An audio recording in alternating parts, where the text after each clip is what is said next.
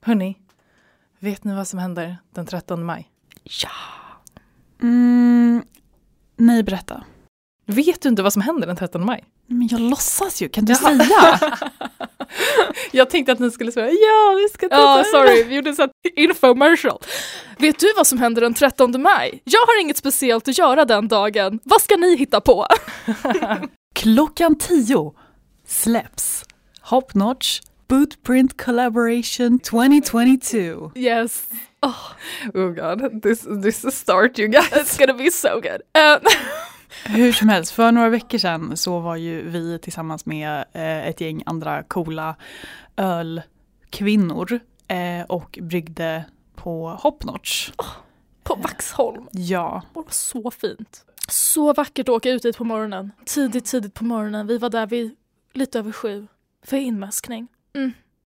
Och det här är någonting som eh, Jessica Heidrich på Hopnotch har gjort ett par år i rad tror jag. Ja, det är några år nu. Ja, eh, och det här är som en liksom, collaboration eh, med Pink Boot Blend eh, som vi har pratat om i tidigare avsnitt. Vilket är en, en humle, mm, ja, humleblandning eller vad man kan kalla den.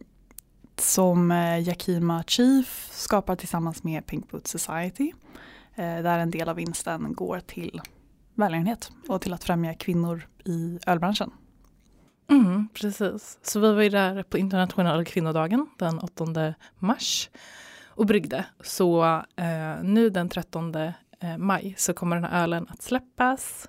We're so excited! We're so excited! Den är så fin! Vi fick se etiketten och det, i vanliga fall brukar den vara rosa, vilket är amazing. Men i år är den gul, så det är en jättevacker liksom klargul, varm väldigt vårig. supervårig mm. med den här vackra bootprinten på.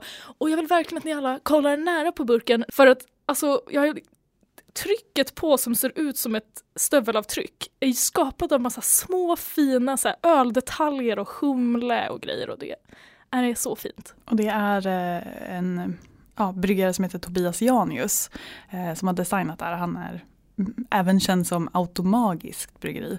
Eh, och jag pratade lite med honom om den här fina designen och han eh, berättade att han vill jättegärna göra den här designen och liksom, ja, hjälpa till eh, i den här Bootprint Collaboration för att han har två små döttrar hemma eh, och han vill jättegärna att de får växa upp med liksom, starka kvinnliga förebilder.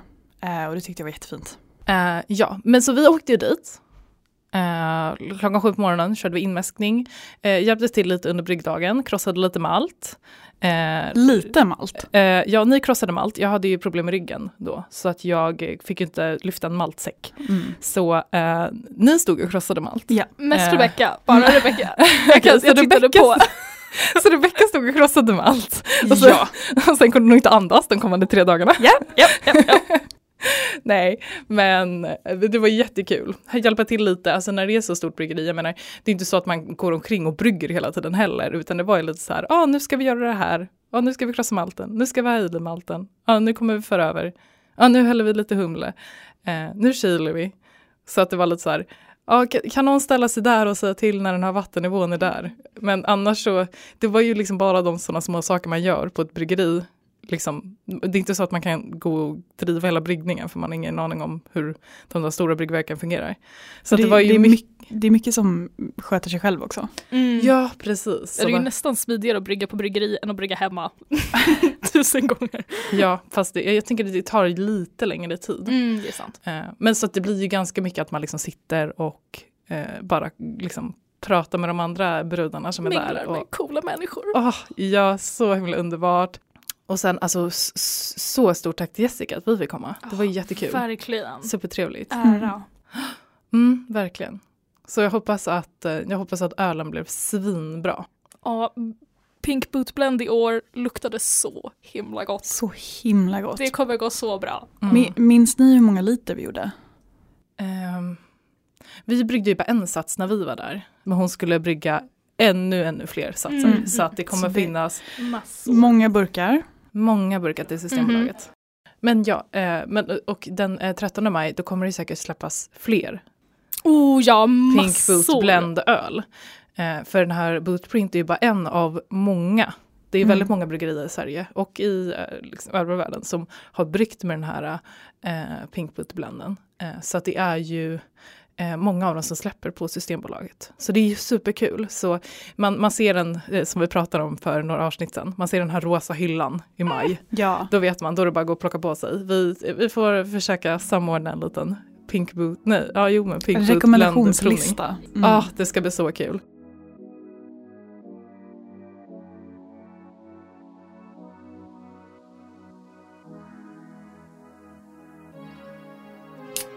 Välkommen till Humlepodden med Julia Jacka, Maja Koivunen och Rebecca Findell. Idag kommer vi prata om belgisk öl. Eh, vi kommer även prata med Nina Schultz, bryggmästare och grundare av Snaus Arvegård bryggeri på Gotland. Eh, och sen kommer vi även grotta ner oss i dagens populäraste bryggmetoder när det kommer till hembryggare. Och eh, jämföra lite. Vi har ju en entusiast av vardera, Brameister, Grandfather och Biab här i studion. Eh, så det kommer bli intressant. Och sist men inte minst eh, så går vi in på ett litet experiment vi har i slutet. Så det ska bli kul. Häng med!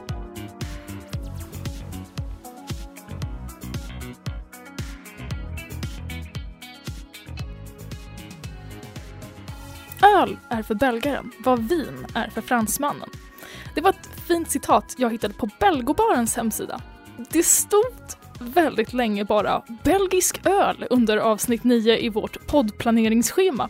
Och för er som har koll på Belgiens ölkultur vet ni att belgisk öl är ett nästan lika öppet ämne som att säga franskt vin. Det finns så många olika stilar och typer och det kan variera så oerhört mycket från plats till plats och hur det tillverkas. När jag började göra research var det nästan värre än tidigare gånger när jag fokuserat på ganska smala ämnen där det varit svårt att hitta bra källor. För när man börjar läsa om belgisk öl tar det aldrig slut. När jag säger att belgisk ölkultur är bred menar jag att det finns över 1500 olika öltyper som framtas genom olika bryggprocesser och jäsningsmetoder. Belgarna brygger lageröl, veteöl, kloster och trappistöl, fruktöl och spontanjäst öl. Och det finns bryggerier över hela Belgien och nästan varje distrikt har ett eget bryggeri med en helt egen stil. Ölkulturen i Belgien är till och med sedd som ett intangible heritage och 2016 blev det tillagt på Unescos lista över mänsklighetens immateriella kulturarv. Men med det sagt, vad tycker ni om belgisk öl? Love it. alltså, get out, get out over here! jag, jag, har ju varit i Belgien, mm -hmm. eh, men det här, det här var innan eh, jag började i, kunna saker om öl. Mm, mm. Eh, så jag åkte dit och liksom, det var lite av en stor stark resa. Eh, om man ens vågar säga det högt.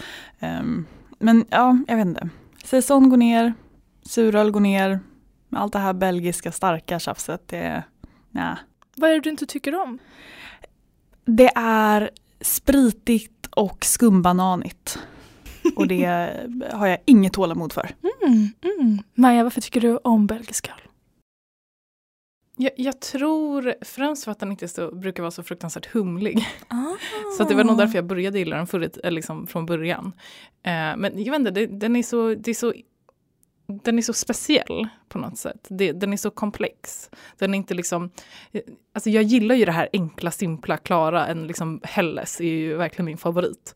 Men jag gillar ju också det på helt andra sidan av spannet när det är superkomplext, när det är liksom tusen olika smaker man, och allting sammanflätas till liksom en supergod harmoni och man bara mm, Alltså det är så himla gott verkligen.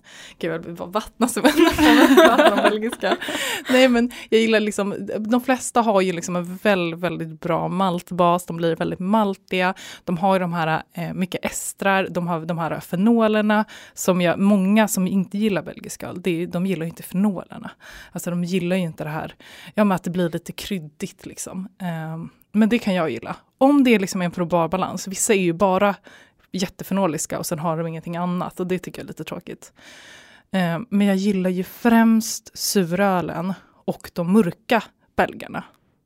De här ljusa belgarna, eh, vi pratar kanske trippel, blond, eh, den belgiska vetölen, eh, eller en belgisk vitt kallar man det. Eh, de är inte mina favoriter, för de tycker jag blir lite för bara belgiska och inte så mycket komplexitet. Liksom.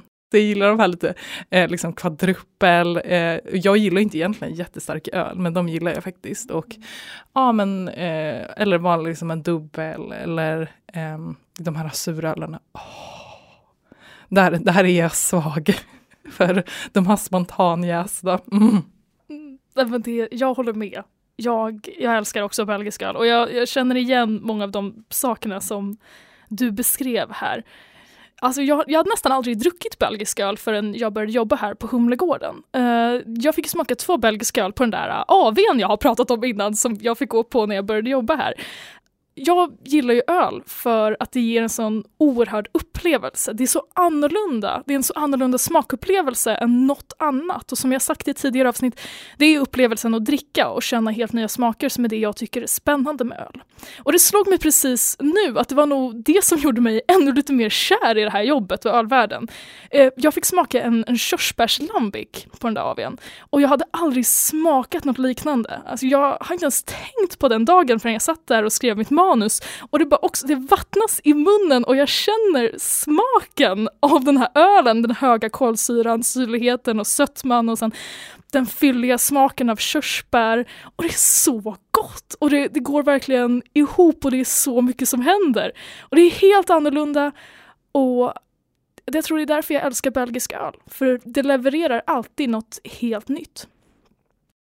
Vad gör belgarnas öl så annorlunda från annan öl? Belgien satte aldrig några lagar på vad som fick blandas ner i sitt öl och istället för att köra Reinheitsgebot som sina tyska grannar eller belgarna kända för att ha i bland annat frukt och kryddor i sin öl.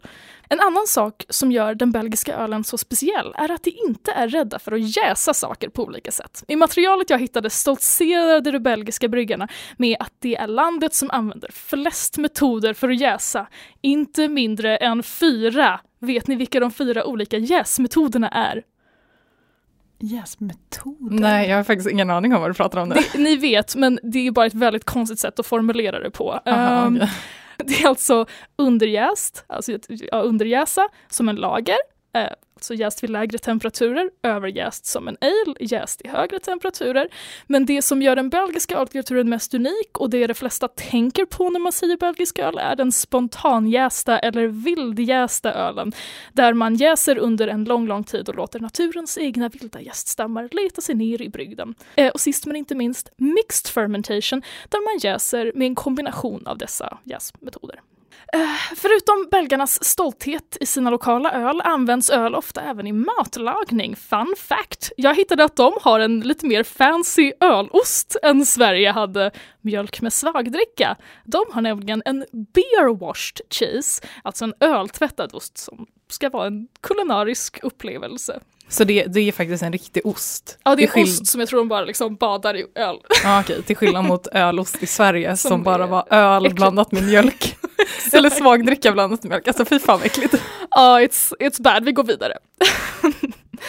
Det finns så mycket information om belgisk öl och vi kan lätt fylla minst fyra avsnitt med det här. Så idag ska vi prata om fyra av Belgiens mest välkända och omtyckta ölstilar. Fyra himmelska öl, quite literally. Vi ska nämligen prata mer om klosteröl, bryggd av trappistordrar, alltså bryggda av nunnor och munkar i Belgiens många trappistkloster. Och det är dessa kloster vi kommer vandra in i nu. Idag ska vi prata om blond, dubbel, trippel och kvadruppel. Rebecka har ju redan pratat om klosteröl i ett tidigare avsnitt så jag ska inte upprepa allt för mycket som hon har berättat innan men vi kör en snabb recap innan vi går vidare till Le Quatre Bier. En trappistöl bryggs av den romersk-katolska trappistorden och i Belgien finns sex trappistbryggerier som är Chemay, Westmalle, Westvleten, Achel, eh, Rochefort och Orval. Varför gör munkar och nunnor det här? Det startade då trappisterna bröt sig loss från Cisterciensorden som jag alltid läser som Ciceroneorden, vilket känns nej, nej. som en grej. Inte samma. Inte samma. Vilket eh, tvingade dessa kloster att försörja sig själva och det var då de började brygga. Trappistmunkar i Chimay i södra Belgien lever efter ora et labora, bön och arbete, så arbetet och bryggeriet ses både som en meditativ och helig process plus att det gav inkomst till klostren. Både munkar och nunnor får en speciell titel om det tillhör en trappistorder, munkar kallas trappister och nunnor kallas trappistans. Djupare än så behöver vi inte gå. Det viktigaste för oss att veta är att för att vara en riktig trappistöl måste ölet ha bryggts innanför ett trappistklosters murar och bryggprocessen ska ha övervakats av munkar och nunnor. En väldigt fin sak med detta är även att överskottet som kommer in från försäljningen av trappistöl ska gå till välgörande ändamål. Och det som karaktäriserar en trappistöl är ofta att det är fylliga ales, har mycket fokus på arom, en fin smakbalans och hög alkohol. Och trappisternas öl kan delas in i fyra grupper. Blond eller enkel, dubbel, trippel och kvadruppel. En sak som verkar förvirra folk över hela internet är att vi alla förstår att det finns en skillnad mellan dessa fyra öl, men vad skillnaden är verkar förbrylla många. Är det att alkoholen är dubbelt så hög i en dubbel, eller är en trippel jäst tre gånger så länge som en enkel? Nej, nej, nej, nej, nej. Som marknadsförare ska jag nu berätta en hemlighet. This is all just a marketing scheme. Det finns ingen matematisk korrelation mellan dessa fyra öl. Vad säger du? I know! Förutom vilken ordning det började säljas och marknadsföras utanför klostren och en lätt alkoholökning per stil. Därför kommer jag börja med den som marknadsfördes ut först, dubben. Dubben har egentligen bryggts sedan medeltiden, men ölet som inspirerade dubben vi tänker på idag föddes 1856, såldes och lanserades av klostret Westmale. Jag kan inte hitta fakta på exakt hur den ölen som lanserades 1856 var, men den dubbel du köper idag bygger på ett recept som utvecklades 1926 och är en mörk, brunröd öl starkare än vardagsölen, enkel blond är kraftigt kolsyrad, har en viss bitterhet men ändå fruktig. Maja, jag tänker ha dig som hjälp, för som vår stående expert. Är det vad du tänker på när jag ska lämna in en dubbel i en tävling? Egentligen, eh, som med liksom alla belgiska öl, så ska den ju ha eh, den här belgiska karaktären. Eh, det ska inte vara massa liksom fruktig amerikansk humle i den, utan den ska liksom, det ska vara maltdominerat, det ska vara eh, fenoler eh, och Eh, ja, det kan dra lite mer åt choklad eller liksom sådana där saker. Det beror lite på hur mörk dubben är. Det finns lite ljusare dubbel, det finns lite mörkare dubbel. Eh, men annars är det liksom, ja men kanske lite nötig, lite sådär. Hur starka brukar de vara? Runt 6-7 procent. Ja, precis. Ja, någonstans där. Och de blir ju, alltså jag menar, av någon anledning så tycker jag nästan, och det tycker jag generellt är med nästan alla belgiska öl, de går lite åt så här, det kan bli lite så toner av torkad frukt, det kan bli lite mer så här mandel, brukar vara, vara ganska mm. vanlig liksom karaktäristisk doft och smak i de här ölen. Jag ju den dubbel för några månader sedan och den, den blev inte så dubblig. Eh, den blev typ så 5% så jag, får man kalla den en session dubbel då? Mm. Alltså ja, kanske. Men Eller alltså, en och en halv istället för dubbel. ah, I like it!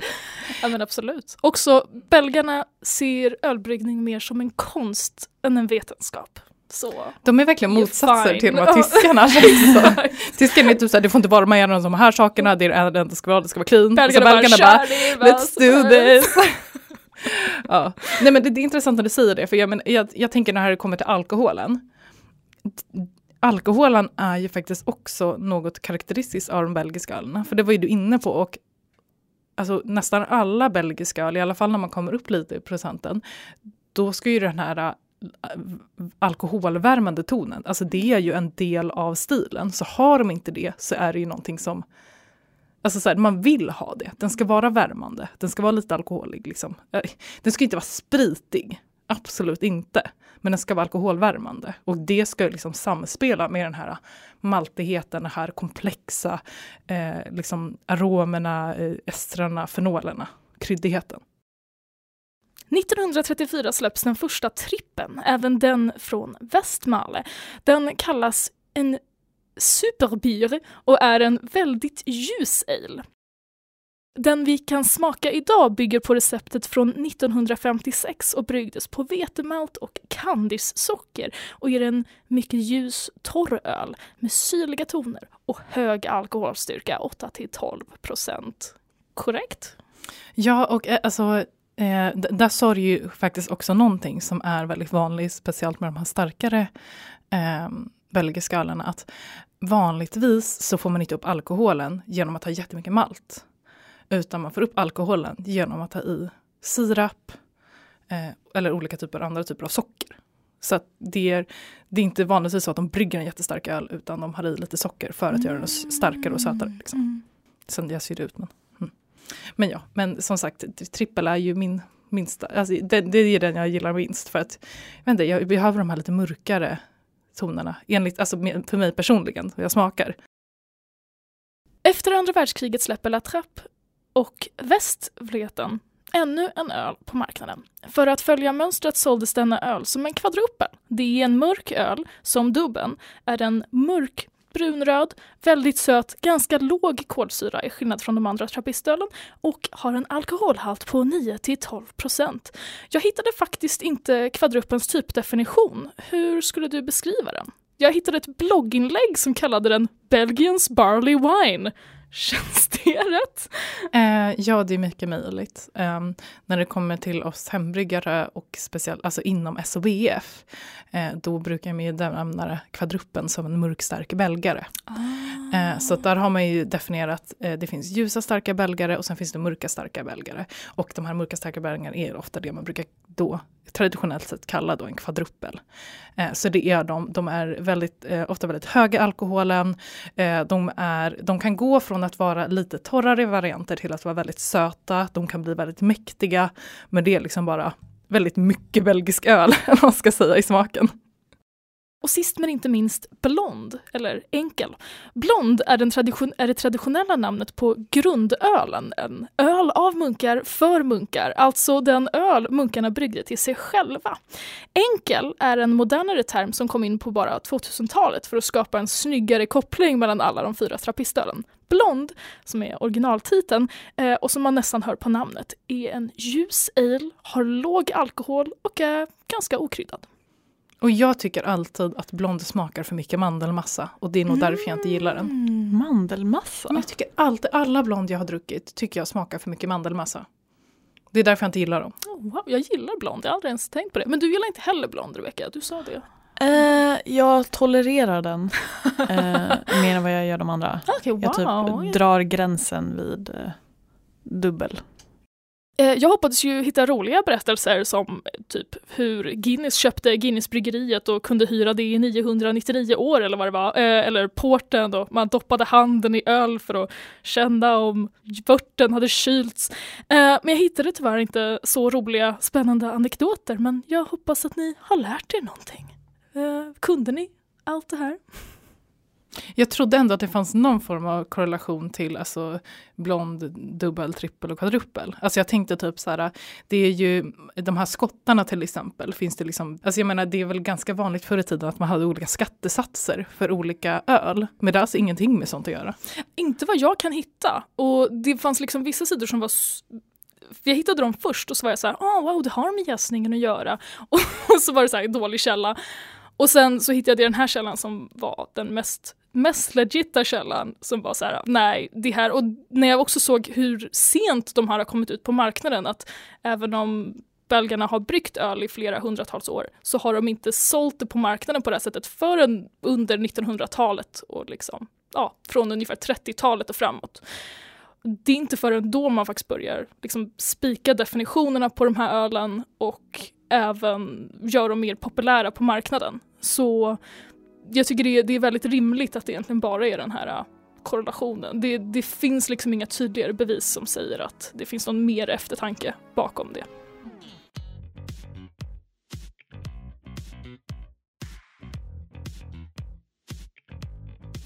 Känner ni till Popperinge? Nej.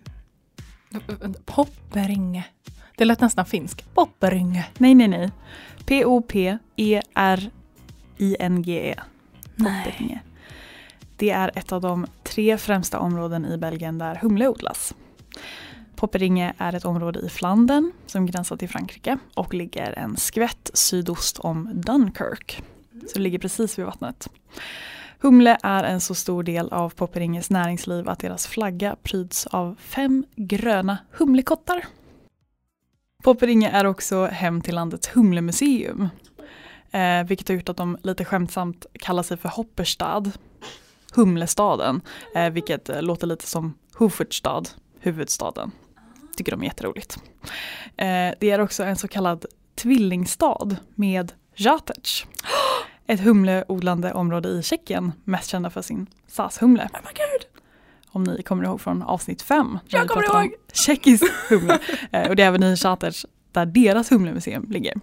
Så eh, ja, vi får nog kanske ta en eh, turné genom Europas humlemuseum. Fler humleodlande områden i Belgien är Alst och Asse, två grannar som ligger precis mittemellan Gent och Bryssel, också i Flandern. De här områdena, eh, eller kommunerna rent ut sagt, eh, är mycket mindre och har inte lika lång historia av humleodling som eh, Popperinge. Och ja, Popperinge har då odlat humle i hundratals år. Hur många hundra var svårt att hitta, men hundratals. Belgien har ett väldigt lagom klimat, om man får använda ett så svenskt begrepp om ett annat land. Det ligger nära havet, jorden är sandig och bördig, humlen älskar det. Inte nog med att de odlar sin egna 100% belgiska humle, så finns det en hel del tyska, engelska, polska och till och med amerikanska humlesorter som trivs i det belgiska klimatet. De odlar välkända sorter som Hallertau Mittelfru, Tettnanger och Pearl från Tyskland, Nugget, Challenger och Fuggle från England, Cascade och Chinook från USA, polska Marynka och självklart tjeckiska SAS. Enligt vad jag kunde hitta på den flamländska föreningen Belgische Hops hemsida så har Belgien bara två humlesorter som är framtagna i och endast odlas i Belgien. Dessa heter Grönebell, vilket betyder grön klocka man skulle kunna säga att en humlekotte ser ut som en grön klocka kanske. Eh, och record, eller rekord. Den första kunde jag inte hitta någon riktig beskrivning på förutom att den har en alfasyra på ungefär 4,9 procent eh, och används som aromhumle. Men den andra, rekord, är en bitterhumle med en alfasyra på 7 till 12 procent eh, och ger blommiga, kryddiga och citrusaktiga toner. Mm. Gud, är det svårt att få tag på de här belgiska humlesorterna? För jag, typ, jag känner inte igen dem alls. Eh, det, jag tycker det, det, det, är lite anmärkningsvärt ändå att liksom belgisk öl bryggs och dricks i så himla många delar av landet. Men belgisk humle är liksom inget, inget man känner till. Det var faktiskt ganska svårt att hitta någonstans att köpa belgisk humle. I alla fall som svensk, det kanske är lättare om man är på plats. Eh, jag menar, belgisk malt kan man köpa. Dingemans är ett sånt mälteri. Ehm, eh, i, I Flandern så används ungefär 155 hektar till humleodling, Eh, varav majoriteten är aromhumle. Jag hittade en liten webbutik i Belgien som heter Hoppekreut, eh, vilket jag tror betyder humleplanta. Min flamländska är inte så bra som den har varit. Den har aldrig varit bra, eh, men nu är den kass. och där kan du köpa humle som odlats just i Popperinge. Ja, och den här föreningen Belgische Hopp, eh, de delar ut som en slags stämpel eller vad man ska säga, som eh, bryggerier kan sätta på sin etikett. Eh, om deras öl innehåller minst 50% belgisk humle. Eh, och då är det som lite så här, ja. Kvalitetsstämpel? ja men lite så. Eh, eller en, ja, Belgien-stämpel eller vad man ska mm. säga. Gud vad jag ska leta efter den jävla stämpeln. Alltså. ja. Gud vad jag, kommer, jag kommer gå på belgiska hyllan nu på Stenbolaget. Det finns alltid massa belgiska öl på typ tillfälligt sortiment. Så kommer jag gå där och bara se om jag hittar den här stämpeln. Ja, det är Belgiens eh, flagga och ett vitt B framför.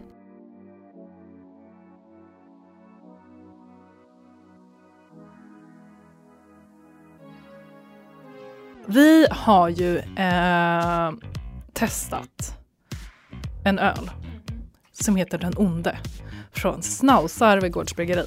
Var, det, var ju en, eh, det är en trippel. Mm. Betyder det att de har en dubbel som heter Den gode då? Eller? Alltså jag hoppas ju på Den onde, Den gode och Den fule. Det är min dröm. Snausarve, lyssnar ni? Uh -huh. mm. oh, jag har inte tänkt på det. Men eh, vad, vad tyckte ni? Eh, rent fysiskt, eller om jag ska smaka med ögonen, eh, lite lagom grumlig. Eh, lite vetegrummel eh, och väldigt fin färg. Liksom så halmgul. Ehm, superfin. Väldigt eh, aptitretande färg. Eh, och sen så var ju den kanske mest framträdande smaken den här skumbananen som jag inte är ett jättestort fan av. Um, den var men nästan lite, lite söt. Eh, men det kan också ha varit liksom så fenolerna som lurar min, min tunga lite grann. Eh, lagom mild beska, ganska tydlig smak av alkohol. Eh, ja, vilket när det är en trippel så hur stark var den? 9 procent. 9 procent. Sen tycker jag att det är generellt ganska svårt att prova belgisk öl. Eh, just för att jag inte är ett superstort fan av det. Um, men det är just som du sa Maja, att det är, liksom, det är jättemycket som händer i glaset. Uh, och det är svårt att fokusera på liksom en, en sak och kunna identifiera en sak. Eh, jag tyckte att doften, för den doftade väldigt sött tycker mm, jag. Mm. Eh, jag tycker inte att den hade såna här super supermycket karaktär av skumbanan. Men det är möjligt att du är väldigt känslig för den eh, mm. doften. Eh, för där, den här skumbanan, den tycker jag mest brukar vara fram... Det är den som man brukar känna i de här eh, tyska veteölerna. De brukar ha väldigt mycket skumbanan. Eh, det kan finnas ganska mycket i belgiska öl också. Eh, men jag tyckte inte att det var, den var för allt på hög nivå i alla fall. Det är kanske lite men inte så farligt.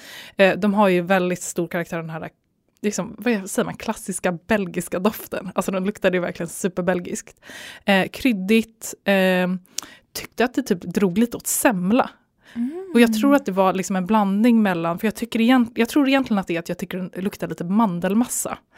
Eh, men det var som att liksom de här kryddigheten, typ kardemumma, blandat med mandelmassa med att den var lite söt. Jag tror att det liksom var alla de dofterna som kom in i det. För jag bara, varför luktar den lite semla? Det var lite mm, intressant. Typ. Um, smakade uh, lite bittermandel. Uh, smakade sommar. Alltså jag tyckte verkligen, jag bara wow vilken typ somrig öl det här var. Jag vet inte varför, men jag tyckte det verkligen det smakade somrigt.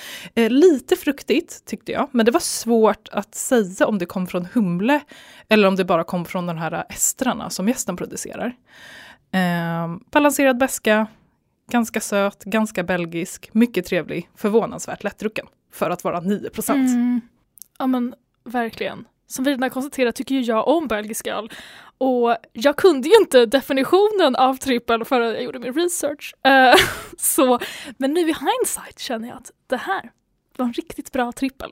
Och jag tyckte den var så god. Härlig, syrlig doft. Kanske, jag vet inte om jag blandar ihop frukt och nötighet eller torkad fruktighet som ni känner av. Kände ingen skumbanan, men jag har aldrig vetat att det är det man ska leta efter. Uh, jag tänker ju på jul, jag tycker inte den var somrig alls, men det kan vara för att jag bryggde en belgisk öl i julas. Och jag kände nog att det var en liknande kryddighet i båda ölen. Det var nog därför jag tänker mer på jul än på sommar. Uh, jag tycker det är en fin värmande ton. Men jag tycker inte det var sån här jobbig alkoholsmak utan trevlig, trevlig varm Ja, väldigt värmande. Mm. Alkoholvärmande. Mm, mm precis. Uh, ja, nej, jag tyckte jättemycket om den om det. Den var superfin.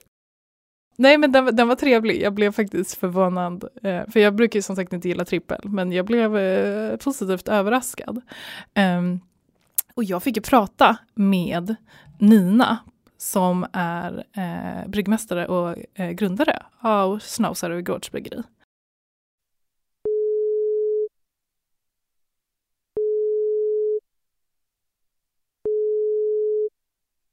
Ja, det är Nina. Hej Nina, det här är Maja. Tjenare Maja. Så Nina, eh, jag tänkte ja. du får jättegärna börja och berätta lite för oss. Vem är du? Vad gör du? ja, jag funderade själv på det faktiskt, eh, hur jag skulle presentera mig och på pappret så är jag ju utbildad kock och bryggeritekniker.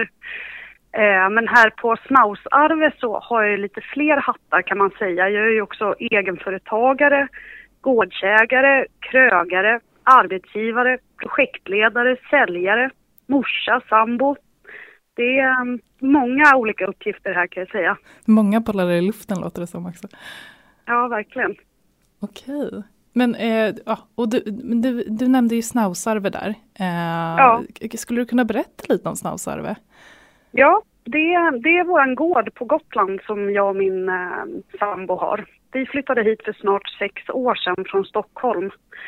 Eh, efter att ha letat hus i Stockholm ganska länge så slog vi till ganska spontant på en gård här på Gotland utan någon egentlig plan, förutom att vi ville göra någonting tillsammans som var ölrelaterat. Eh, så det ligger fem mil söder om Visby. på västkusten på Gotland. Eh, det är en gammal jordbruksfastighet så vi har lite åkermark runt omkring, ungefär 7-8 hektar. Och så är det en, ett, ett, ett boningshus och en stor lada där vi har bryggeri och restaurang på somrarna. Okej, så det, det är liksom en riktig gård-gård? Ja, liksom. precis. Okay. Det är det. Håller ni på någonting med jordbruk? Nej, inte mycket kan jag inte påstå. Vi har arrenderat ut åkrarna för enkelhetens skull. Vi hade grisar ett år. Eh, men det går inte riktigt att ha när man har restaurangverksamhet för de luktar ganska mycket. Fast de är väldigt, väldigt roliga. Eh, så vi odlar lite bara för husbehov, lite till, eh, till restaurangen och till oss själva. Mm -hmm. Ja, så ni serverar ändå liksom närproducerat i restaurangen? Ja, vi producerar inte alltid, men vi köper väldigt mycket närproducerade eh, råvaror. Både grönsaker och kött och mejeriprodukter. Jag tänker bryggeriet där, är det liksom någon speciell inriktning på det eller kör ni lite allt möjligt? Ja, alltså vi, eftersom det bara är vi två som gör allting i princip, eh, så styrs vi väldigt mycket av vad vi själva gillar. Um, så vi brygger i princip alla stilar kan man säga. Och vi håller också jättemycket på med syrlig öl. Uh, ehm, och då snackar jag traditionella belgiska stilar. Vi gör uh, lambic-ish brukar vi kalla det, och brun uh, eh, som vi uh, jäser och mognar på ekfat. Sen kör vi mycket moderna stilar också som lager och IPA och stout och allt möjligt i bryggeriet. Så vi brygger det som vi själva gillar att dricka. Mm. Du nämnde att ni eh, flyttade dit och du nämnde att vi ville göra någonting med öl helt enkelt. Hur, mm. hur ser liksom bakgrunden, du sa att du var bryggtekniker. Ja, precis. Jag är utbildad kock eh, och har jobbat som det väldigt länge, både i Sverige och utomlands. Sen tröttnade jag på hela restaurangbranschen och då utbildade jag mig till bryggeritekniker. Eh, för jag tänkte att eh, öl och mat är ju ganska nära, alltså steget behöver inte vara så himla långt. Eh, och jag hade egentligen inte bryggt öl innan det kan jag inte påstå. Någon sån här äh, eh, färdig sats som man som många har gjort. Men det var väl typ det. Eh, så jag gick bryggteknikerutbildning 2012 och var färdig 2013. Och sen utbildade jag mig också till eh, eh öldomare för SOBF. Eh, och vad heter det, träffade Kalle, min sambo, då när jag var färdig. Så vi har liksom alltid haft öl som gemensam nämnare. Han är också öldomare och hembryggare sedan länge. Eh, och vi hade varsin eh, firma, enskild firma när vi träffades och höll på med lite ölrelaterade grejer som bryggkurser och ölprovningar och lite liknande. Mm. Så vi ville göra någonting tillsammans. Och då blev det här på Gotland. Så det har liksom ehm, det har inte varit liksom en, en, färdig plan från början utan det har liksom vuxit fram lite pö om pö. När vi hittade gården och såg möjligheterna och byggde först bryggeriet och sen eh, hade vi först ett litet taproom bara med ölprovningar. Och nu har vi också pub, restaurang med matservering och hela, hela faderullan. Gud vad roligt. Det låter ju som mm. att, eh, jag tänkte det är väldigt många som går liksom från att vara eh, hembryggare till att mm. liksom sakta gå, liksom gå uppåt och kanske starta bryggeri. Men du körde eh, direkt på, nej, bryggteknik, det ska vara professionellt. Ja, precis. Ja, jag älskar ju smaker, det är det som är liksom min grej. Jag är inte särskilt tekniskt eh, kunnig eller intresserad utan jag gillar att brygga öl, skriva recept, eh, para ihop med mat och sen, eh, ja, det är det som jag tycker är roligt. Och det är liksom, jag är inte någon ölnörd direkt kan jag inte påstå, utan jag gillar öl, jag gillar mat, vin, allt som är gott helt enkelt. Mm. Har, har du eh, liksom någon eh, favorit bland era produkter eller er öl? Um, jag skulle nog säga att det är lite flytande faktiskt. det beror lite på säsong och vad vi brygger för tillfället. Så jag har, jag har sällan favoriter överhuvudtaget faktiskt. Utan det är vad man är sugen på just för tillfället. Du har inte ens liksom en favoritstil, att du gillar suröl mer än de? Nej, alltså jag gillar, när det gäller öl så gillar jag väldigt mycket öl med bra hinkabilitet. Jag gillar att klunka öl. Gärna ur stora glas. Okej, okay, det är Helles för dig igen. Helles tycker jag jättemycket om, men mm. överhuvudtaget lageröl tycker jag jättemycket om. Eh, syrlig öl är också supergott då snackar jag mer traditionella stilar. Eh, Gillar också ljusa starka belgare, typ trippel tycker jag är supergott. Men eh, ja, en bra porter gillar jag också. Behöver inte vara jättestark. Eh, så det är väldigt olika, det beror helt på. Jag gillar inte att begränsa mig. Mm. Eh, men hur ser det ut liksom i allmänna? Har ni någon liksom speciell eh, produkt som säljer bäst? Eller som ni märker att folk uppskattar mest? Liksom? Eh, alltså, eh, våran, eh, i puben så är det våran Kelleber. Och det är en ljus, eh, ljuslager. Den gillar alla.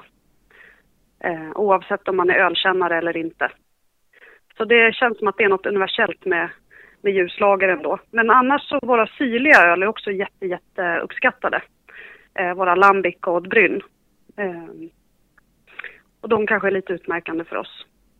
Ja, eh, hur, eh, hur gör ni dem? Kör ni liksom långlagring på fat eller? Ja, precis. Vi har ett eget litet hus eh, där vi eh, lagrar all syrlig öl. Eh, och de kör vi på ekfat. De både jäser och mognar på ekfat. Vi har kört några batcher på, på ståltank, men de flesta är eh, ekfat. Och det är, vad heter det, gamla vinfat eh, till lambiken eller så är det, har vi Mackmyrafat till Oddbrynnen. Och eh, det tar tid. Det tar minst ett år för dem att eh, få mogna och bli bra. Så man får smaka av dem lite då och då. Lambiken brukar vi blanda för att få till bra komplexitet, bra, bra syra.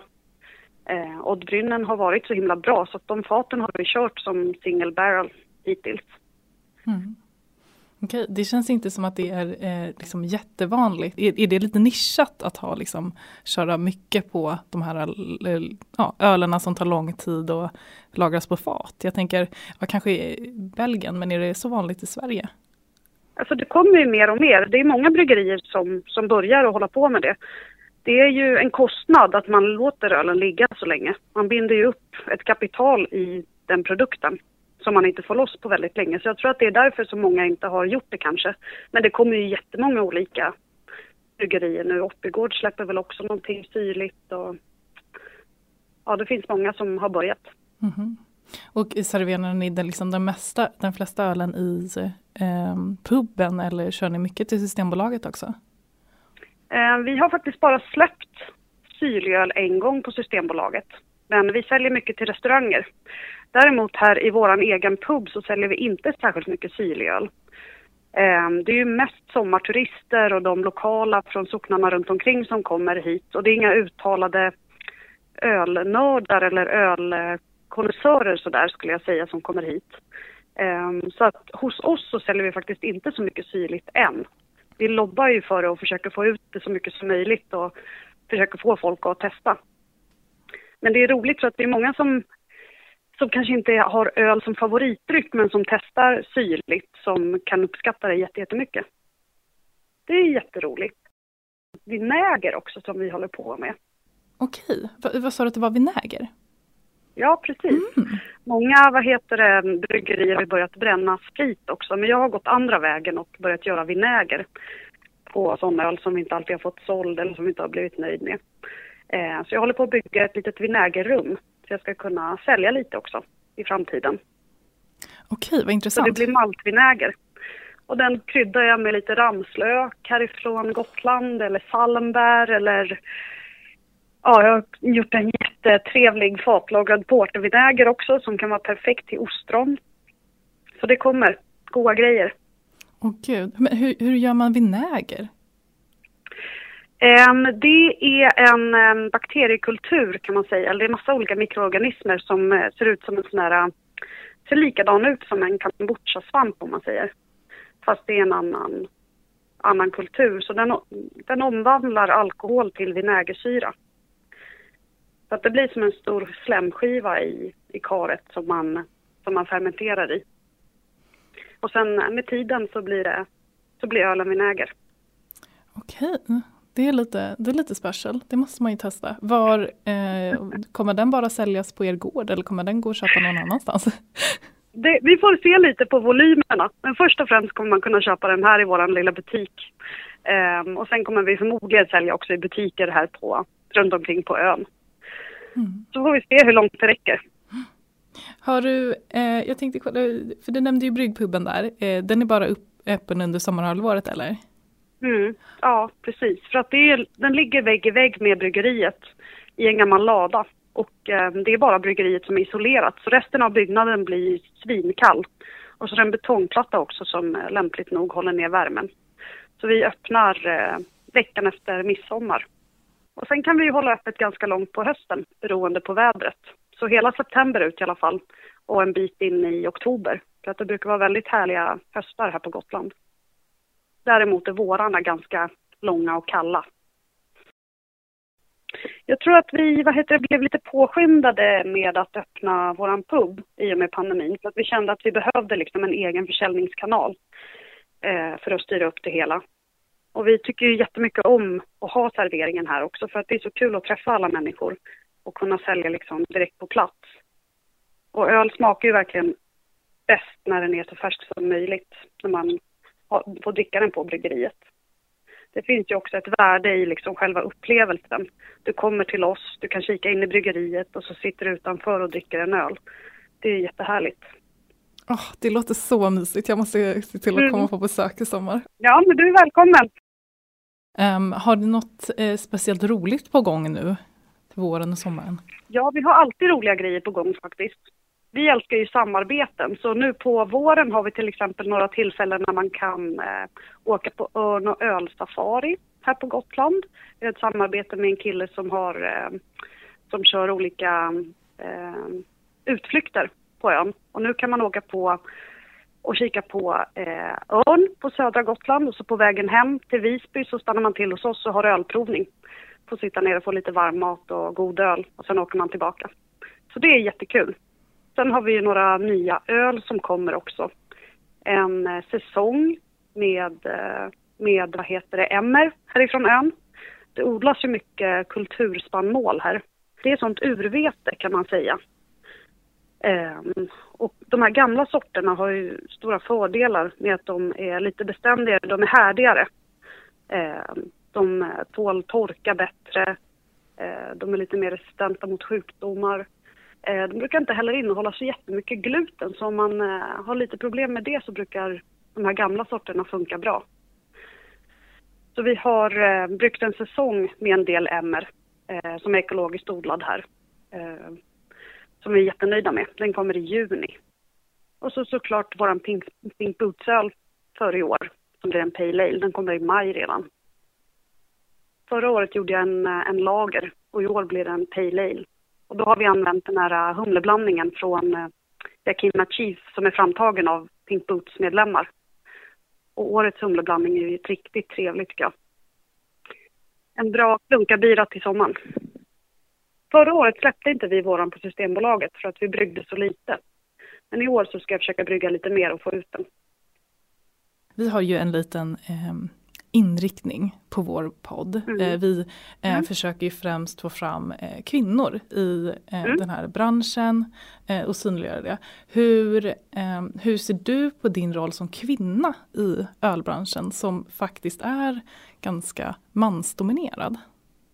Mm, alltså jag har aldrig känt mig utsatt i bryggeribranschen på något sätt. Jag tycker den har varit väldigt, väldigt välkomnande eh, överhuvudtaget. Däremot i restaurangbranschen har jag känt mig utsatt och blivit dåligt behandlad på väldigt många olika ställen. Sen om det bara beror på en jäkligt strikt hierarki eller för att jag är tjej kan inte alltid avgöra. Men eh, för mig har restaurangbranschen varit mycket, mycket sämre. Nu hela den här craftbeer-rörelsen, eh, i alla fall i Sverige, har för mig varit jätte, jättebra. Tycker jag. Men jag vet ju att det händer grejer på andra ställen så att jag det är jätte, jätteviktigt att vi lyfter det och att vi jobbar proaktivt hela tiden med att få in jämställdhet och att man ska behandla alla schysst. Mm. Jag, jag, blev jätteinspirerad av eh, Great Swedish Beer Fest förra hösten var vi där och ställde ut. Då mm. hade de skrivit trivselregler för festivalen som jag tänkte ha i, vårt, i våran bryggpub i sommar också. Och det handlar om att man ska vad heter det, behandla alla jämlikt. Man ska inte förutsätta att folk gillar olika saker bara för att man är tjej eller kille eller ditt eller datt. Och att man också ska uppmärksamma folk som kanske inte eh, tar lika mycket plats om man märker gäster som får stå och vänta länge och inte riktigt vågar fråga eller vad det nu kan vara, att man uppmärksammar det också. Att det liksom inte ska vara så himla mycket prestige i att man vet vad man ska beställa utan att man får vara nyfiken och fråga och säga till om man inte vet och att det inte ska vara något problem. Mm. Så jag tycker vi hela tiden måste jobba och vara medvetna om det eh, så att det kan bli bättre. Jag har ju också två döttrar som jag vill vara en bra förebild för och att de ska växa upp och liksom bli starka tjejer. Så att det, jag tror att det arbetet kommer liksom aldrig ta slut riktigt.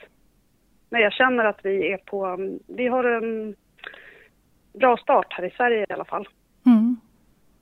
Ja, det var jättebra tips på alltså hur man kan, ja men själv som krogägare eller liksom, eh, som bryggeriägare, liksom att hur ja. man själv kan vara med och förändra och liksom tänka på det förbättra. Det här med de här trivselreglerna mm. till exempel. Det är ju verkligen Absolut. superbra och enkelt. Liksom. Ja, och det, jag har faktiskt aldrig varit med om det eh, någon annanstans. Eh, varken i restaurangbranschen eller bryggeribranschen. Så det tycker jag absolut att flera ska ta med sig också. Mm. Och eh, bara man är medveten om det innan så kan det vara lättare att undvika också. Att man redan har pratat om saker istället för att vänta tills det uppstår ett problem. Mm. Arbeta lite förebyggande. Ja, verkligen. Mm. Men hur ser du liksom på branschen i stort? Är liksom, tycker du att öl är lika trendigt nu som det var för tre år sedan? Eller märker du att, liksom, kanske på grund av pandemin eller liksom allmänt intresse, att det har mattats av? Eller tycker du att det har blivit ännu mer intresse för det? Um, alltså jag tror inte att öl liksom är en trend längre. Utan det är ju som en stor rörelse kan man säga. Fast den har ju också förändrats under de sista 10-15 åren väldigt mycket. Förut känns det som att det var många hembryggare som tog steget och blev bryggare. Medan nu har man liksom fått upp kunskapsnivåerna väldigt mycket med utbildning och man kan jobba och man kan anställa folk och köpa ordentlig utrustning redan från början. Ehm, så jag tror att det är en bransch som definitivt är här för att stanna. Ja, och sen eh, får helt enkelt eh, alla eh, våra lyssnare som är intresserade, de får besöka Gotland helt enkelt. Absolut, det tycker jag verkligen. Mm. Vi är också med på ganska mycket festivaler så det är bara att komma förbi och snacka med oss när vi är ute och ute runt omkring i landet. Mm. Håll utkik efter Snausarve. Mm. Snausarve håller ju på att bli en plats liksom, där allt kan hända. Mm. Det är ju inte bara bryggeri, öl är ju vår kärnverksamhet. Men vi håller ju på att bygga upp en plats där man kan göra massa roliga samarbeten, ha gig, laga mat, ja, göra det mesta helt enkelt. Mm. Tack så jättemycket för att jag fick prata med dig Nina, du får ha det så bra. Ja, detsamma. Tack så mycket. Hej. Hej.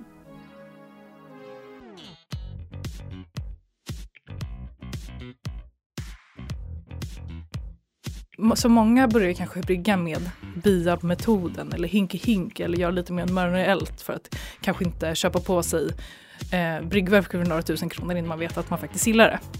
Men på grund av att jag började brygga när jag började jobba här för en 8-9 år sedan eh, så eh, då, då, kunde jag låna hem bryggverk, eller låna bryggverk för jobbet. Eh, så då lånade jag alltid hem Braumeistern Eh, så jag började lära mig brygga på Braumeistern och sen dess har jag bara aldrig släppt den. Och det är ta mig fan det bästa bryggverket som finns. Eh, men jag, jag, vet, jag kan ju också inse att eh, jag kanske är lite väl... Färgad? Ja. Menar du? Ja, av det. Och jag inser att det finns ju andra bryggmetoder och bryggverk som kanske är bra. Eh, bara att jag kanske bara inte lyckats brygga bra med dem. Eh, men så eh, Rebecka, du brygger på en Grandfather. Ja, det stämmer. Eh, som idag nästan känns som det mest populära bryggverket. Ja. ja. I alla fall i, i, Sverige känns det som att det är typ det mest populära. Ja, i alla fall liksom svenska hembryggarmarknaden. Mm, precis. Eh, och Julia, du brygger ju eh, med BIAB-metoden. Yes. BIAB står för brew in a bag. Precis. Eh, så, och det har vi eh, också pratat om några gånger. Mm. Eh, men så ehm, jag tänker att vi, vi kan väl gå, gå laget runt och prata lite om liksom, ja, hur brygger man speciellt med det här specifika bryggmetoden eller bryggverket och vad är det bästa med det? För som sagt, jag har ju eh, fastnat för Braumeister. Eh, det är ju av den tyska tillverkaren Speidel. Eh, och den Brandmeister som jag har, den är ju liksom årsmodell 2009 typ, eller något sådär. Antik. Alltså den är antik. Eh, men den Going Strong har inte haft något problem alls med den. Har inte behövt byta ut en liten grej på den. Vad jag gillar jättebra med den är att det är superbra utbyte. Eh, och det får man, eh, för vad som är skillnaden på en Brameister jämfört med många andra byggverk är eh, istället för att man mäskar genom att eh, vattnet hälls ovanför maltbädden och går igenom maltbädden med eh, ja, gravitationen man ska säga och sen eh, lyfts upp med en plump och går igenom den åt det hållet, uppifrån och ner, eh, så trycker Brameistern vattnet genom maltbädden nerifrån och upp. Och jag tror att det är det som gör att man får så bra utbyte på en bra meister. Eh, och sen gör den ju sådana här äh, avstanningar i mäskningen också. Pauser. Ja, precis. Så att med jämna mellanrum så stänger pumpen av sig och låter maltbädden liksom sjunka ihop eh, och sen börjar den om igen. Eh, och det gör att det inte bildas så här kanaler genom maltbädden heller. Så att det är verkligen ett jättestort plus med Bromeister är att man får jättebra utbyte. Vanligtvis ligger jag på eh, strax över 80 procent. Men det gör jag också bara när jag brygger ja, kanske öl runt en 5, högst 6 procent. Eh, för när man har för mycket malt i maltröret eh, så eh, blir det plötsligt mycket, mycket sämre utbyte. Så man får plats med en ungefär 6 kilo malt i maltröret. Om det finns en sån här tilläggsgrej eh, man kan ha för att göra en syrefri mäskning. Low oxygen Ja precis, kit. low oxygen kit. Precis. Uh, och det, med det så kan man få lite extra utrymme till malt. Uh, men generellt sett så på en uh, 20 liters Brahmeister eh, brukar jag ofta använda mellan 5 och 6 kilo malt. Och det funkar superbra. Eh, jag tycker att det är väldigt okomplicerat att brygga med det. Det är inte massa jättemycket utrustning, utan man har liksom, du har maltkorgen och sen har du eh, en sak för att lyfta upp maltkorgen, en sak för att lägga maltkorgen på och ett lock. Du behöver liksom inte mer saker än så. Alltså det är väldigt, väldigt, väldigt simpelt. Eh, enkelt att rengöra. Och nu för tiden, ehm, så eh, med den, på den nyaste varianten som finns på eh, uh, Brameister, då kan man ju ha den här eh, tidsbestämda starten.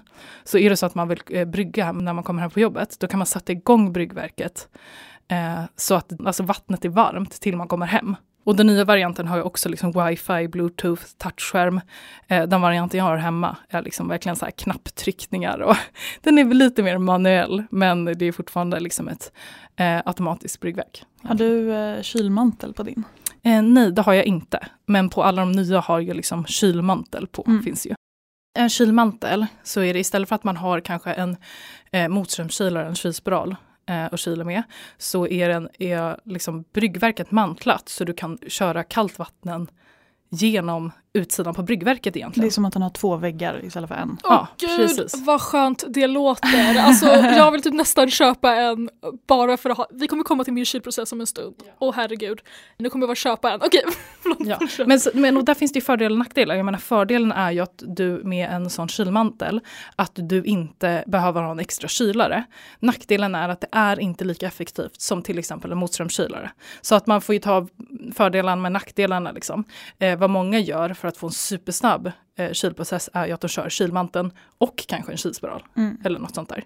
Eh, jag har tidigare använt en kylspiral till min Brahmeister för jag har inte haft en mantlad. Eh, men nu för tiden kör jag en motströmskylare. Eh, spelar ingen roll egentligen, eh, allting fungerar, det går bra att bara köra kylmanteln också. Jag, jag är inte här för att pitcha eh, Brameister. Jag vill inte liksom att ni ska lyssna på det här och eh, köpa en Braumeister. Men någonting som är superhäftigt med den allra nyaste versionen, hashtag Brameister plus, är att de har som sagt kylmantel eh, och de har en ganska avancerad touchskärm. Och vad du kan göra är att du kan köpa till en magnetventil och ett eh, jäslock eh, som gör att du kan både brygga och jäsa i din Braumeister. Och med den här magnetventilen eh, så kan du koppla i eh, en glykolkylare i kylmanteln. Så att du kan alltså eh, ha ja, temperaturkontrollerad jäsning i din Braumeister. Så det är som ett bryggverk och en mantlad, eh, eller en, eh, vet du det? Ett mantlat eh, jäskärl i ett. Det är så häftigt. Det är en, oh, oh, wow. Oh, wow, det är nästan. Och även den eh, nya displayen eh, har, eh, går att få på svenska.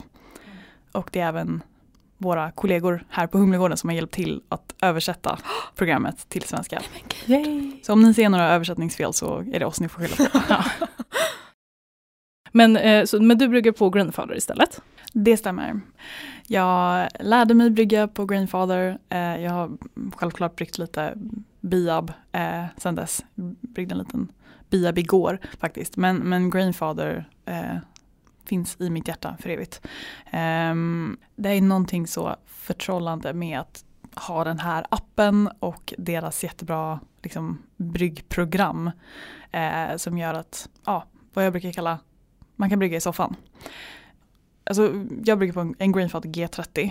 Eh, numera så finns det även G40, G70 och S40. Eh, så G30 är liksom, ja, den, den äldsta, om vad man ska säga. Um, men numera så finns det så himla många liksom, små detaljer som man kan köpa till för att liksom, antingen brygga mindre satser eller brygga lite mer avancerat, underlätta sin bryggning. Väldigt lätt att rengöra. Den är väldigt lätt att ta isär också. Eh, det brukar jag göra kanske en eller två gånger om året. Eh, grovrengöra pumpen, eh, byta packningar. Alltid superviktigt. Ehm, jag har haft en, en eh, läcka eh, vid pumputloppet. Eh, men det, det var ingen fara, för jag är händig och eh, det kunde jag lösa själv. Men jag tycker det är supersmidigt att ha liksom recirkulationen och pumpen på utsidan. Eh, för då har man lite mer kontroll på det hela. I den versionen av Grandfather som jag har så är det liksom en, en liten styrenhet med bluetooth. G40 och G70 har även eh, bluetooth och wifi. Eh, men det är supersmidigt för att jag liksom bara öppnar upp appen, kopplar ihop min telefon och bryggverket, styrenheten. Eh, och då blir liksom styrenheten laddad med hela mitt recept. Eh, så att den har alla scheman, att nu värmer vi upp vattnet till si och så. Stegmäska är bokstavligt busenkelt. Eh, och sen så piper den till när det är dags att hälla i humlen. Eh, ja, när, den är, när den är färdig, när vi ska göra hopstand och sen så är det bara koppla i kylaren. Eh, och jag brukar använda vattnet som liksom för att inte slösa vatten eh, så fyller jag på mitt badkar. Så efter jag har bryggt så får man alltid bada. Men eh, appen är ju kanske min favorit med hela allting. Eh, det är deras liksom community-app. Det finns även en, en webbsida. Eh, där gör jag alla mina recept. Man kan välja en stil så att du kan hålla dig inom de här eh, riktlinjerna för hur stark den ska vara, hur mycket humle eh, och du får även en, en visualisering för färg eh, och så vidare. Jag är ju den som kör på biab, eller brew in a bag, när man som det antyder brygger i en påse. Jag kör ju på den här, jag har ju bryggt med båda er två och jag har bryggt på både Braumeister och eh, Grandfather. Och jag måste ju bara säga att Biab är superior to all of them. nej jag skojar. Kliv ner från den här höga hästen. I know, nej det finns ingen sån uh, supremacy här överhuvudtaget. Alltså det är, jag älskar Biab för det är, det är så smidigt. Det är lätt, det tar inte så himla mycket plats och det är billigt. Det är basically de lättaste sakerna att köpa för att ta dig in i ölvärlden och börja brygga. Och jag är egentligen, jag är kvar här för jag köpte det här i höstas, 2021 förra året. Och jag vill basically bara se till att jag brygger tillräckligt mycket öl hemma innan jag väljer att investera i ett bryggverk.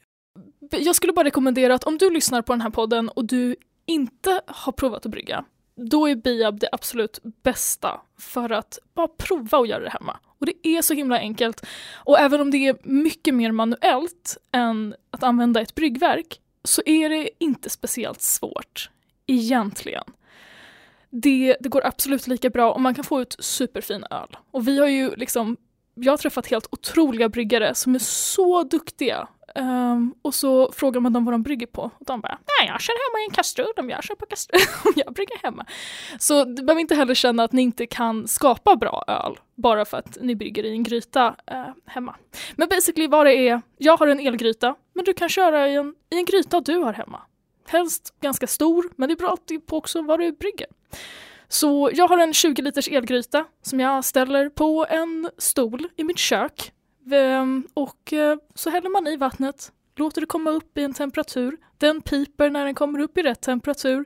Stoppar man i maltpåsen, häller i malt.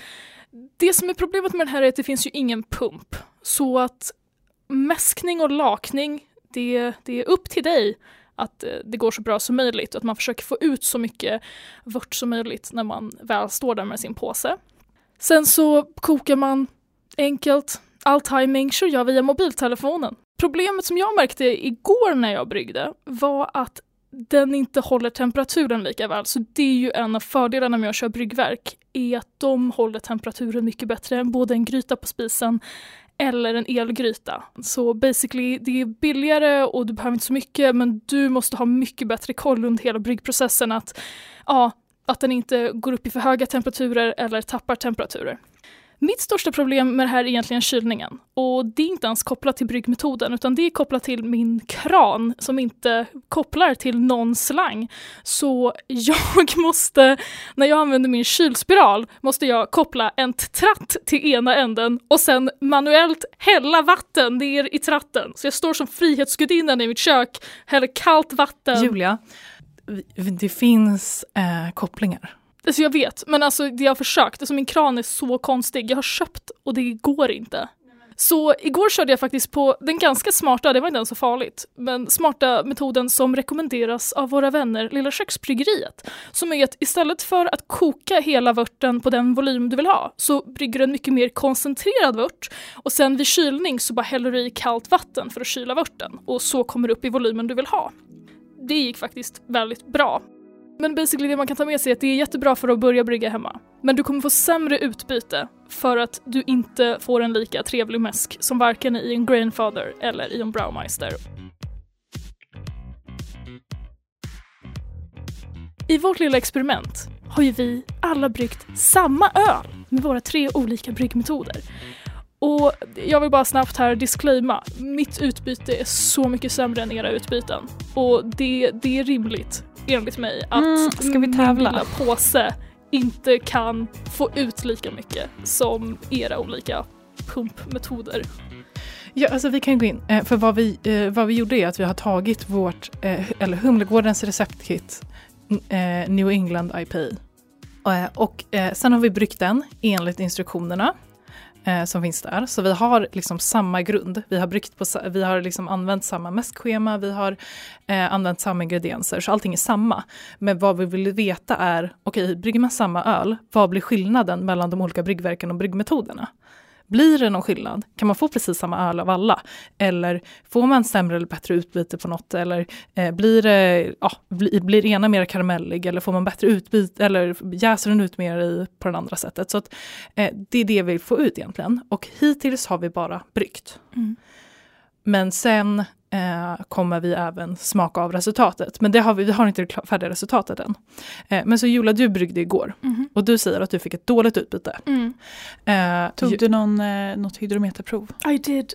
Och vad blev det? I actually did. Uh, 1,040. Okay. Uh. Ja. Mm. Jag ville gärna ligga precis mm. på eh, vad det skulle vara. Mm. Eh, så jag spädde min vört lite Eh, jag fick ut 21 liter och det hamnade precis på 1060. Mm.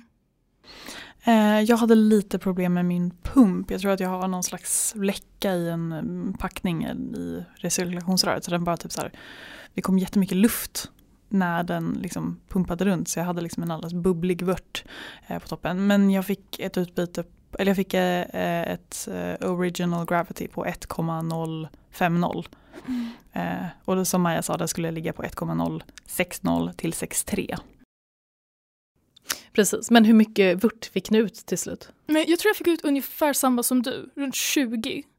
Och, men det var också, jag kunde ju, det jag borde ha gjort, med speciellt den kylmetoden jag använde, vilket var att jag bara hällde i kallt vatten för att kyla vörten. Och det blev perfekt temperatur när jag kom upp 20 liter. Men det är då jag borde ha gjort en test lite innan, för då kunde jag ha struntat i den sista kannan vatten och kanske hamnat på ett mycket bättre utbyte. Men eh, jag är lite nyfiken, hur gick själva mäskningen? Eh, för det här receptkittet innehåller ju en del vete och omältat korn, eh, vilket kan... Ha, nej, vete och havre. vete och havre. Vilket kan göra att det blir lite, det går lite mer långsamt eh, att mäska. Ja, alltså det är ju, och det märkte jag eh, när jag mäskade in att eh, pumpen fick kämpa lite för Brahmaisten. Men eh, efter den hade kommit igång efter en kvart ungefär så funkade det bättre. Och genom att jag hade faktiskt risskal i. Mm. Nu hade jag för lite risskal. För jag hade bara lite kvar så jag hällde i det. Men generellt sett, och det gäller i princip alla bryggmetoder, speciellt om du brygger med bryggverk om du använder omältat eller om du använder vete som man inte har skal på, använd risskal eller något annat. Eh, det bidrar inte med någon smak, men det gör att eh, maltbädden blir mer luftig. För, och då får du mycket, mycket bättre utbyte. Jag brukar ha en näve risskal i typ alla mina bryggningar. Ja, jag använder också risskal. Mm. Eh, det, det har också blivit en så här reflexiv ingrediens. Så här, oavsett vad jag brygger så kör jag. Ja, men det är alltid, det är alltid Slänger i näve. Det, det skadar inte mm. eh, eftersom att det inte bidrar med någon smak eller någon konsistens eller någonting sånt. Det enda negativa med risskal är att eh, vissa tycker om att baka bröd med drav. Eh, och om du blandar i risskal så kan du inte göra det. Eh, för risskal är inget kul att äta. Ehm, men eh, brist på bröd kan vara värt det om man får en lätt och smidig bryggning. Ja, jag biabbar ju, men jag kör också risskal. Så det, det, är en, det är en bra grej att bara ta med. Men eh, så det var mäskningen. Eh, lakningen var jag tvungen att så här, snabblaka för jag skulle in på ett möte i två timmar. Liksom så, eh, så att jag var tvungen att, jag flyttade över maltröret till en hink och sen fick den laka klart i hinken under tiden jag påbörjade koket. Och sen när det var jag tror, för jag hade så paus mitt i mötet. Så när koket hade ungefär en timme kvar, då hällde jag i resten av det jag hade lakat. Är det en, en fördelaktig metod eller var det här exklusivt för att du hade ett möte? Det var exklusivt för att jag hade ett möte, för annars hade jag låtit bara eh, den stå kvar alltså, ovanför bryggverket och väntat med att starta koket. Men jag var tvungen mm. att komma igång med koket eh, så tidigt som möjligt, så då, då blev det så. It's alright. Jag brukar, när man liksom lyfter upp maltkorgen eh, på Grainfather så kan man liksom ställa den på en liten ställning. Eh, och redan då så sätter jag igång värmeelementet så att den jobbar upp till kok. Mm. Eh, och så passar jag på och liksom lakar, tar min eh, goda tid. Eh, och sen så när den har droppat färdigt då är vi redan uppe i nästan 80-85 grader. Jag hade faktiskt ganska mycket problem med att det höll på att koka över. Mm. Flera gånger, att det bara liksom skummade och skummade och skummade. Eh, så jag prövade att liksom sätta ner eh, mitt mäskroder som är i trä. För det, jag vet inte om det är en så skröna att om man har en, en träslev ovanför kastrullen när man kokar pasta så kommer det inte koka över. Så tänkte, ja men den regeln kanske gäller med öl också. Det gjorde det inte. eh, men vad som alltid hjälper när det håller på att koka över är om man lägger i en isbit. Mm. Eh, då sjunker alla bubblor direkt. Så jag fick liksom hälla i isbit efter isbit med typ så här, ja, 15-20 minuters mellanrum. Det var jätteirriterande. Eh, men till slut så fick jag ett lugnt och fint rullande kok. Kok med bia blir ofta väldigt smidigt. Det är typ den skönaste delen. Då bara crankar man upp på den högsta temperaturen, låter den leva sitt eget liv. It's great. Jag tyckte det var spännande att brygga en nejpa. Jag har aldrig bryggt en nejpa och det är ju väldigt annorlunda humling i den. Man humlar inte under kok utan man, eh, man humlar precis, man stänger av koket. Du stoppar koket och sen när det har stannat då häller du i humle och sen låter du det bara stå i 30 minuter på ungefär 80 till 90 grader. Uh, det har jag aldrig gjort. Det var spännande. Här kommer dock mitt problem. Mitt kokkärl tappade temperatur under den här delen. Jag det gör ha... absolut ingenting. Det gör inte det, tack gode gud. Okej, för den gick ner ganska mycket och jag blev lite paranoid över att alltså den gick ner till typ 70 grader. Men det, det hade ju fortfarande I, ja, men det hade ju fortfarande i humlen ja. när den var varm. Ja, ja. Så alltså, jag menar, den borde ju ha hunnit desinficeras. Liksom. Så så länge du kanske inte, ingenting kom in i vurten efter det. Nej, för jag paranoid bara gick upp i kok jättefort bara för att döda dem och sen så stängde jag av energin. Okay, intressant. Så jag kan ha, alltså, så min kan vara bäskare än eran, för jag kan ha provocerat den. Det blir intressant att se vad det här blir. Um, faktiskt. Ja, vi ska ju torrhumla sen också. Det brukar också hjälpa mycket med smak. Hur gick eh, er humling? Eh, det gick bra. Jag, eh, jag brukar använda en så kallad hop spider. Eh, och det är som ett, ja ska man säga, en cylinder med liksom, tunt filter. Eh, men den är ett helvete att diska, ursäkta franskan. Eh, så jag ville undvika så mycket disk som möjligt. Lat. Så jag använde en humlestrumpa istället. Mm. så jag hade liksom en liten boll av humle eh, som jag droppade i. Men det kan också vara därför den, eh, ja, min, min öl i slutet blev väldigt klar. Eh, Maja bryggde här på jobbet igår så jag fick, jag fick se hennes vört och den var ju grumlig som satan. Min är också grumlig som satan. Ja. Men det är en nipa, det hör Mm. till. Jag har inte Jo, haft jo, någon det- klarning det eller ska någonting. vara det. Eh, men jag var lite orolig att jag inte fick tillräckligt med, med grumlighet. Mm. Eh, och sen också, jag tycker att jag vet inte, det kanske är en inbillad risk att när man använder humlestrumpor eller någon form av filtrering för humlen att man inte, liksom så här, smakerna från humlen inte frigörs lika mycket eller att de inte blandas runt lika Alltså mycket. jag tror att det beror på helt hur mycket humle du liksom packar i de här humlestrumporna och sånt där. Eh, men, det är, men det är klart, har du humle på en komprimerat liksom, utrymme jämfört med om det går fritt i, då jag tror att det påverkar säkert. Mm. Men who knows? ja, men vi det, får se. det är många små, många bäckar små Mm. som man säger. Mm. Okej, men det blir intressant och, eh, eller att smaka det här då. Mhm. Eh, mm. eh, men i nästa avsnitt eh, kommer vi prata lite om sommaröl. Mm. Ja. Eh, gå in lite mer på det. Eh, det blir vårt sista avsnitt för säsongen eh, innan det blir paus över sommaren. Eh, vi kommer också eh, fortsätta diskutera resultatet av vårt lilla, lilla experiment. Mm. Eh, så det ska bli kul att se liksom vad skillnaden är. Och sen kanske vi kommer att prata lite om vårt samarbete som vi har med Ölgäris. Eh, för där, eh, och det har ju precis börjat nu. Eh, så vi kommer väl ha kommit lite längre i det samarbetet. Eh, och vi, vi kan ju lite snabbt bara Eh, vi har tillsammans med dem tagit fram ett receptkit. Eh, och sen har vi en gemensam eh, bryggning då med Ölgaris och medlemmarna.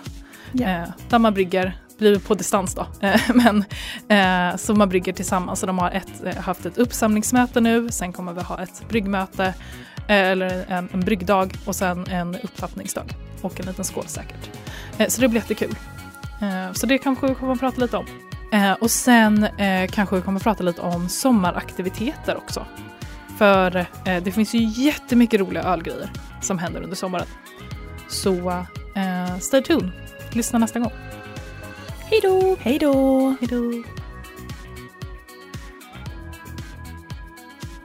Om du vill veta vart alla våra härliga berättelser kommer ifrån så kommer vi länka alla våra källor och medverkande i en källförteckning som finns i poddbeskrivningen.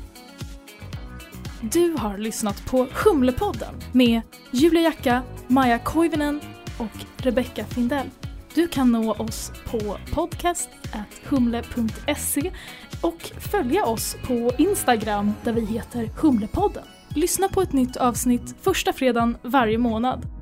Det här avsnittet producerades av Humlegårdens ekolager, manus av Julia Jacka, Maja Koivunen och Rebecca Findell, klippning av Maja Koivunen.